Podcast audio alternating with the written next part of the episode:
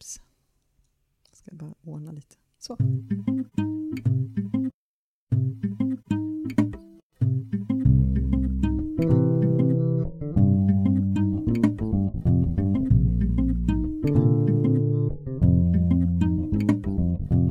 Det här är podcasten Social by Default tillbaka igen och precis som vanligt är det jag, Sara Larsson Bernhardt, som tillsammans med Dibed Niklas Strand driver den här podden. Vill ni kommentera veckans avsnitt eller har idéer för vad ni tycker vi kan prata om i framtiden så twittra till oss med hashtaggen Social by Default eller prata med oss på vår Facebook-sida alternativt vårt Instagramkonto. Hej Sara! Hej Niklas! Hur är det så här mitt i höstrusket? Nej men jag gillar ju hösten. Jag tycker ju det är en mysig årstid så att uh, jag tycker det är ganska härligt när det börjar bli lite kallare. Ja. Och sen är det ju lite speciellt nu för att eh, det är inte bara hösten och september som avslutas, utan jag gör mina sista dagar på SKF. Sista fredagen. Sista fredagen. Ja. Borde man egentligen gå på AV, men vi får gå på PV istället när det är klart.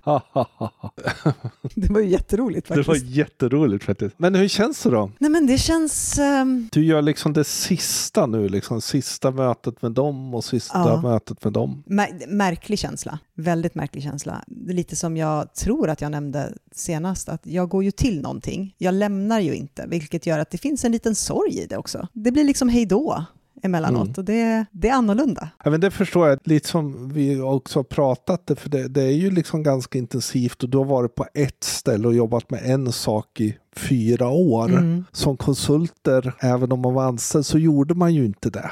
Nej, då var man ju in och ut ur massa olika bolag, så Mm. då, den delen var ju inte så svår. Det var ju, vi hade ju långa samarbeten med, med vissa bolag Mm. och där var det ju tufft när det var liksom, okej, nu går vi vidare. Men det är ändå liksom en konsultliv. Men här Mm. är det ju liksom att du kunde ju ha varit kvar i 20 år. Liksom. Rent, Ja, rent, rent teoretiskt.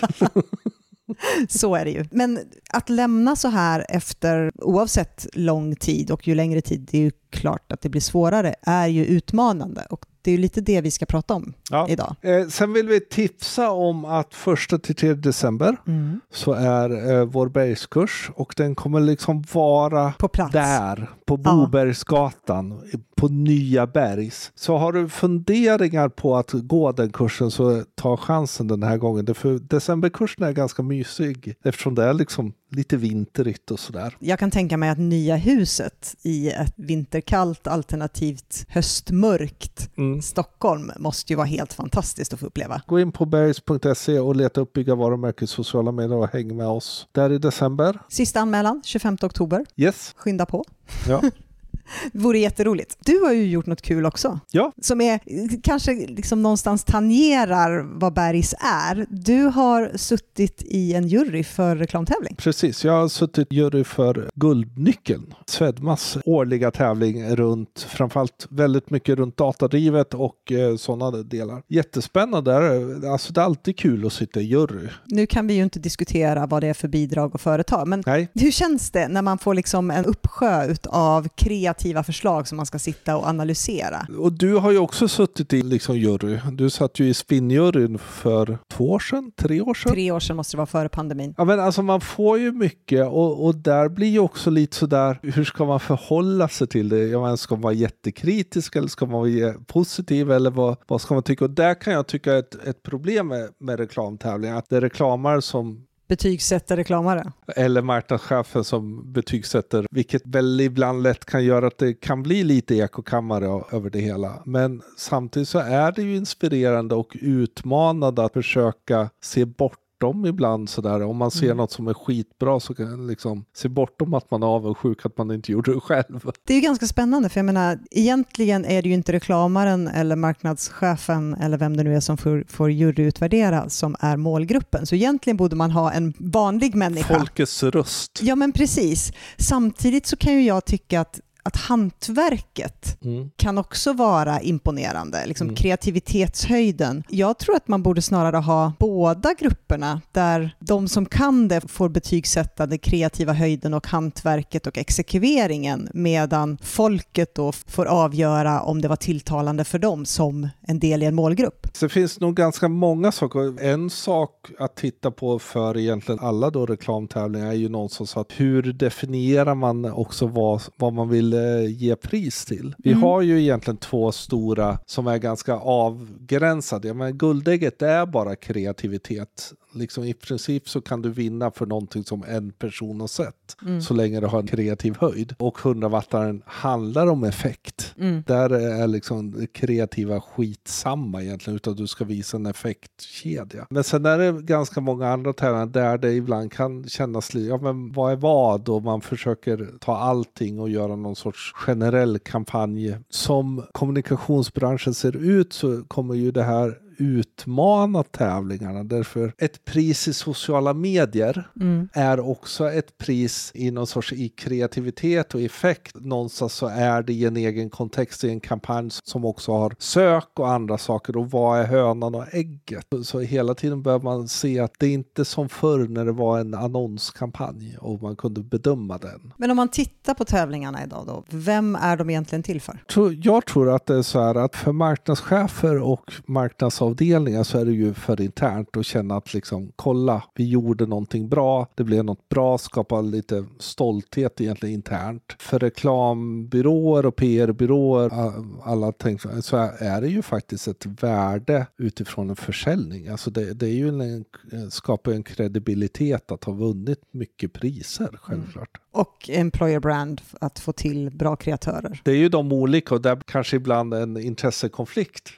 Mellan byrån och marknadsavdelningen. Ja, man tävlar ju med en kundsgrej liksom. Ja. För de är, det, är ju inte rent, alltså det är inte helt billigt att tävla. Dels kostar det ju i anmälningsavgift och inlämningsavgift, men sen kostar det ju också i tid. För jag menar, tittar man på all den tid som är nedlagd för att kunna presentera ett case på det sätt som de presenteras i de här tävlingarna, så lägger ju byrån ner vansinnigt mycket tid tillsammans med kunden också för att få ihop det här. Så det är ju en, en kostnadsaspekt på det som man inte ska glömma heller. Och producera casefilmer och även skriva bra case Mm. och sådana saker. Det är ju en konst i sig. När är resultatet då? När, när får man veta hur är det gick? någonstans i oktober. Nu har det ju varit ju väldigt kul att träffas faktiskt, ganska många av oss. Och det, det, en ytterligare sak som vi fick lära oss är lite svårigheten som vi går in i nu när vi börjar gå tillbaka till kontoren i hybridmöten. Därför det Ah. var ju några som var online och hur lätt det är att de inte kommer med, att de glöms över. ja, får skrika ganska högt för att Jag vet att vi har, när vi har sådana här hybridmöten, så brukar vi ofta börja med de som sitter online, mm. att bjuda in. Men sen är det ju, man är väldigt duktig på början av mötet. Och sen beror det lite grann självklart på balansen, hur många är det som Mm. sitter online och hur många är det som sitter i konferensrummet. Mm. Men det är svårt. Till slut Nej, slutar man ja. att titta på dem. Och tävlingar tror jag att jag tror det kan vara bra att tävla för både byråer och marknadsavdelning för att man får då också gå igenom det man har gjort och fundera utifrån ett antal frågeställningar som man inte alltid faktiskt gör när man går in i en kampanj och på så sätt faktiskt få jobba igenom kampanjen en gång till och kanske lär man sig lite av det också. Jag tänker ju slutanalysen blir ju också väldigt, Mm. väldigt viktig och det är kanske inte alltid man är superduktig på att göra de här genomarbetade analyserna för man är inne i nästa kampanj eller man är inne i nästa aktivitet. Jag håller med, det är, nog, Mm. det är viktigt att tävla. Sen var det självklart sådär när man går igenom case, för det var ju så när du också, det AIV-mätningarna, att vi har nått 40 000 miljarder. Ja, det, och det där är en helt egen historia. Ja. Eller vi överträffade vårt mål med 2734 procent. Då tänker jag så här, ja men då kanske ni hade lite låga mål. Ja, men det är lite så. här. Så det, det där blir ju alltid liksom, man får sitta och nästan nissa över hur knepigt det fortfarande är att mäta. Där ser man just sociala medier har ju nästan gjort det värre. Därför där är okej, är det unik räckvidd eller är det Mm. generell räckvidd? Har ni faktiskt räknat räckvidd eller har ni räknat impressions? Vi har så mycket möjlighet att mäta i sociala medier, vilket innebär att det här kan lätt slira iväg. Kolla efter guldnyckeln. Annat kul som har hänt. Jag såg en fantastiskt spännande dokumentär häromdagen på SVT Play om influencern som fejkade cancer. Ni som tycker det är intressant med liksom hur sociala medier kan driva saker, hur eh, viktigt det bör vara med ifrågasättande och källkritik. Och det här är ett antal år tillbaka, men just influencers och deras makt bör leta upp den på SVT Play innan den försvinner. Otroligt spännande historia som jag faktiskt helt hade missat eh, när den skedde. Ja, det, och det var ju 2014 däromkring Mm. i Wellness. Ja, det, jag såg ju den dagen efter för du Mm. var så på om den. Och den var jättespännande och fascinerande hur liksom lätt vi kan vilja bli duperade. Mm. Det tycker jag egentligen var, var det som jag tog med mig. Att, att liksom någon sorts, man blir duperad för att man faktiskt delvis vill bli det. Vill se att någonting kan vara fantastiskt eller man kan bli frisk från cancer genom att äta på andra sätt. Generellt så SVT Play har ganska mycket intressanta, dels som digitalt generellt men också sociala medier, alltså dokumentärer och Mm. något som du kanske då kan göra typ tisdag, onsdag när du lämnar in nyckelkortet och lämnar ro- roller bearings för annat som rullar. Rotera.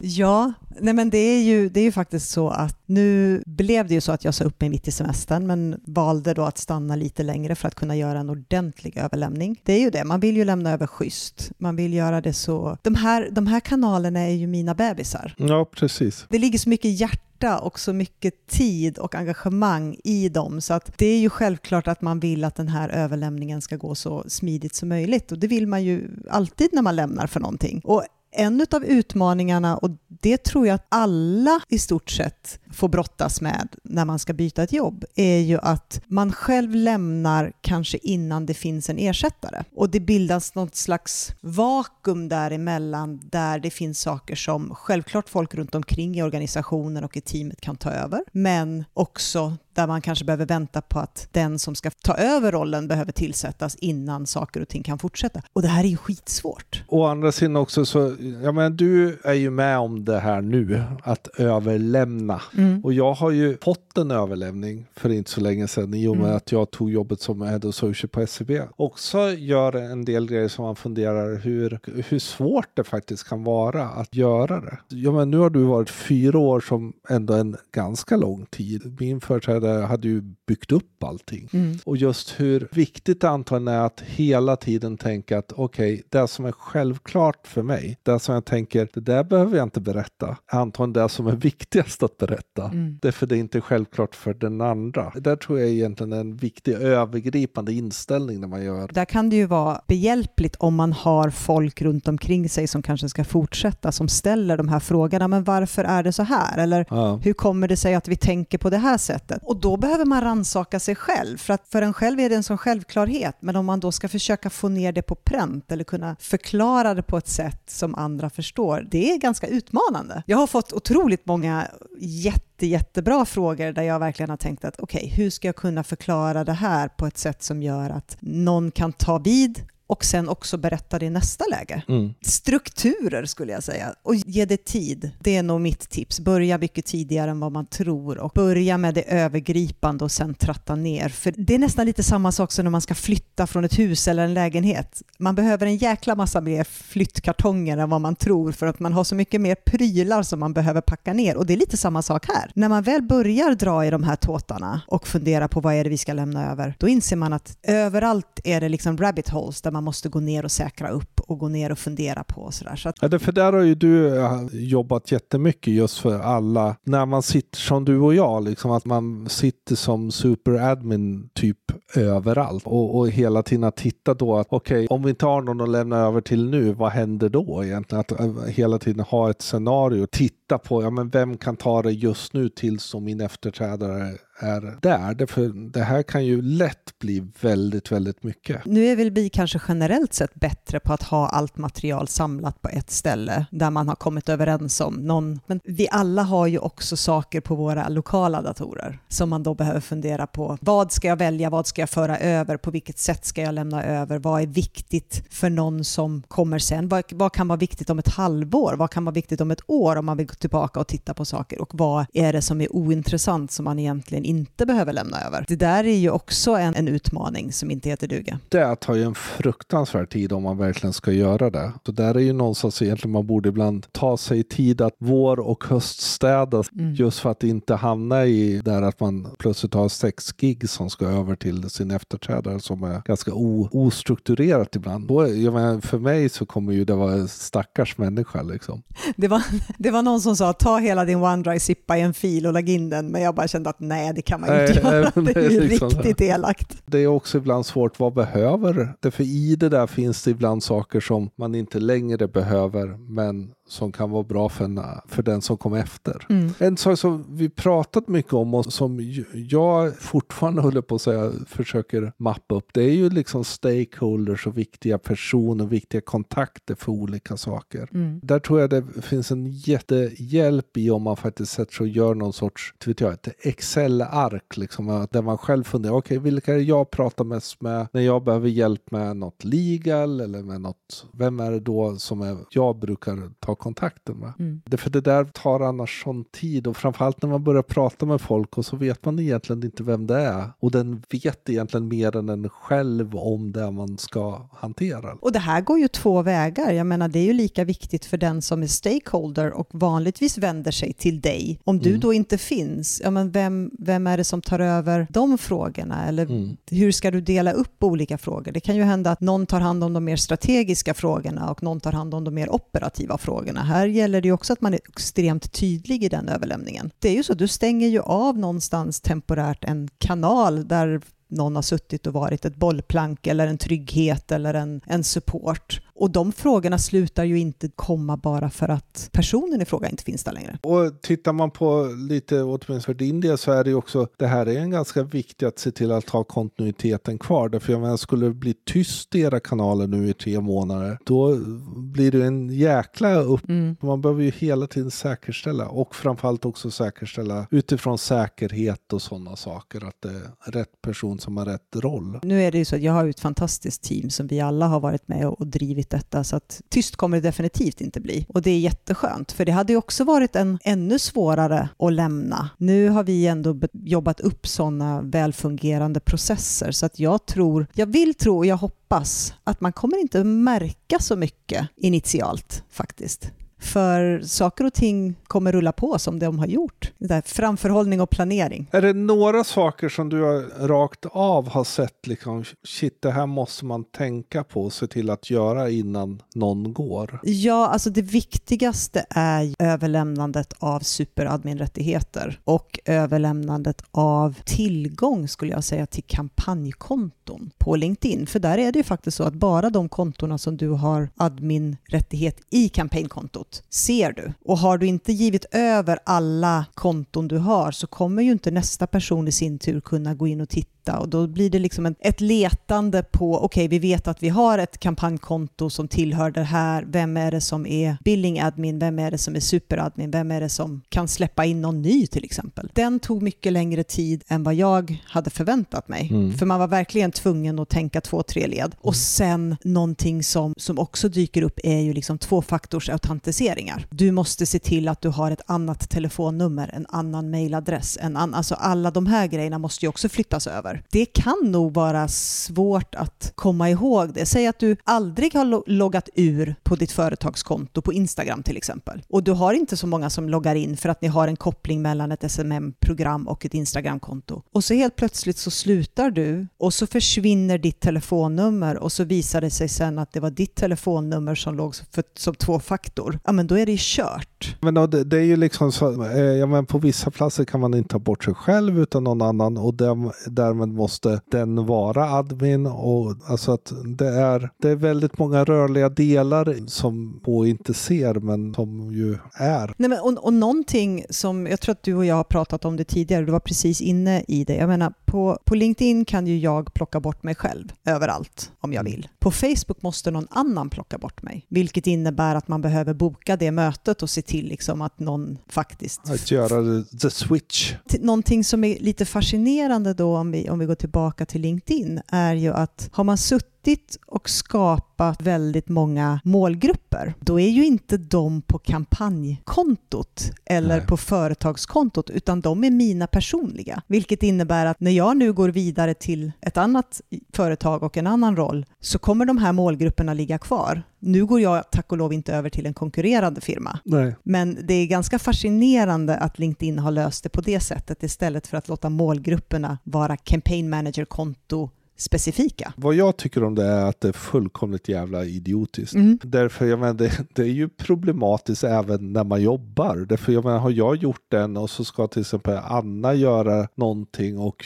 du hade väl en bra wallrup? Ja, då antingen så måste hon gå då till den adden där jag har använt den Mm. liksom, och sen då spara den som eget template. Eller så behöver jag lägga upp en testkampanj för att hon ska kunna plocka målgruppen därifrån. Det, går inte bara att gå in och plocka ur målgruppen ur kampanjkontot. Fullkomligt vansinnigt. Det här blir ju en sån här gång viktigt att tänka buggarna eller de där skevheterna. Därför det finns så otroligt mycket skevheter i alla plattformar. Mm. Från de är byggda lite ad hoc och de är inte byggda för företag. Och just det här med målgrupper är ju väldigt, väldigt knöligt på det sättet. Där behöver man verkligen tänka till både en och... I det här fallet, i mitt fall, så är det inga problem. För jag kommer aldrig kunna återanvända de målgrupperna överhuvudtaget. Men jag menar, om, om du skulle sluta och gå över till en konkurrerande bank, Som performance marketer, det Ja, skulle, alltså- fan, jag skulle kunna ta betalt för dem. Sen är det ju liksom, det är, ju- det är egentligen så jättesnepiga, men, men det innebär ju samtidigt att man kommer spara lite tid. när du fick ta över då, vad var det för saker som du kände att ja, men, det här var jättebra eller det här skulle jag nog kanske göra på ett annat sätt om jag ska lämna över en vacker dag? Nej, men det som var bra var ju dels att jag,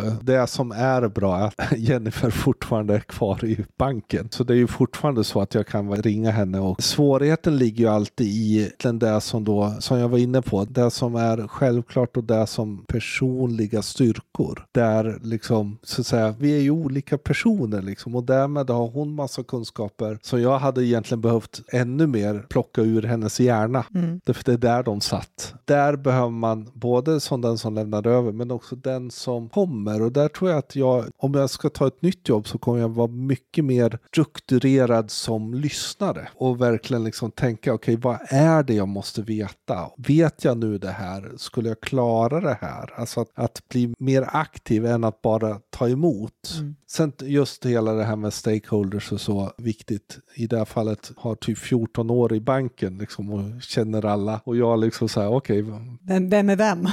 och framförallt jag som inte kommer ihåg namn liksom. Så, Det handlar inte bara om stakeholders in, inne på företaget, det handlar ju om byråkontakter. Det Ja. handlar om kontakten för social media management-plattformen. Det handlar om kontakter på LinkedIn, Facebook, om, om man nu har sådana. Det, ju, det finns ju så otroligt mycket folk som man hela tiden har, mer eller mindre i sin periferi eller närhet, Mm. som, som faktiskt någon annan behöver få veta vilka det är och när man ska vända sig till vem. landar egentligen tillbaka, liksom att tänka att det man själv tycker är så självklart är antagligen det som är viktigast att prata om.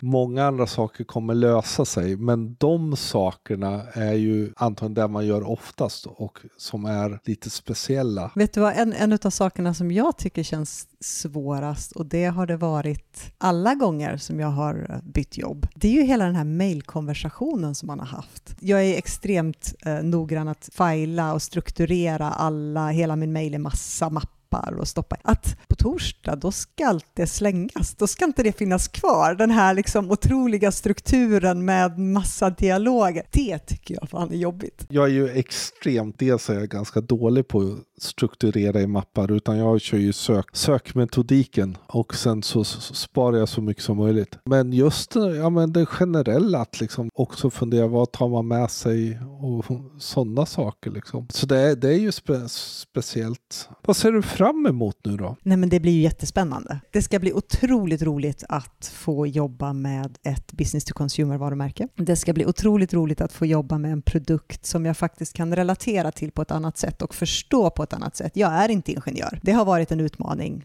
samtidigt som man har lärt sig otroligt mycket. Och sen att få jobba med ett varumärke som folk har en relation till oavsett om man kör en Volvo eller inte Mm. så vet man vad Volvo är. Om det är lättare eller svårare, det får du fråga mig om ett halvår. Ja. Men eh, det ska bli spännande att få göra det. Och sen är det alltid liksom lite skräckblandad förtjusning att komma in i ett nytt sammanhang när man inte kan ett enda system, man kan inte vem som är vem, man vet inte riktigt hur organisationen är. De här liksom tre första omtumlande månaderna innan, Mm. innan man tänker att okej, nu börjar jag få grepp om det här. Det ska bli kul, men det är också lite så här hisnande. Sen kommer dina öron trilla av, men det vet du redan. ja, jag är van. De brukar trilla av. De har trillat av innan det här så de får väl trilla av efter också. Loctite superlim. I eller?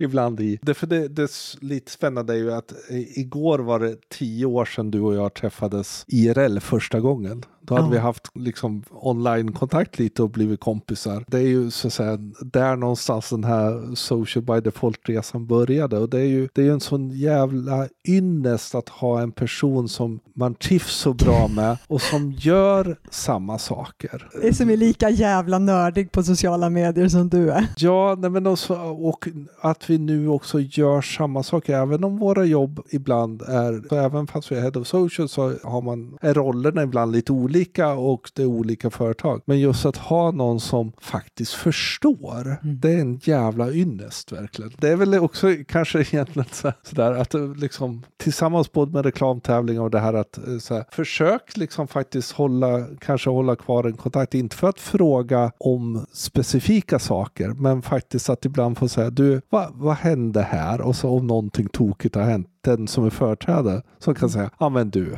det där händer alltid, det är inget att bry sig om.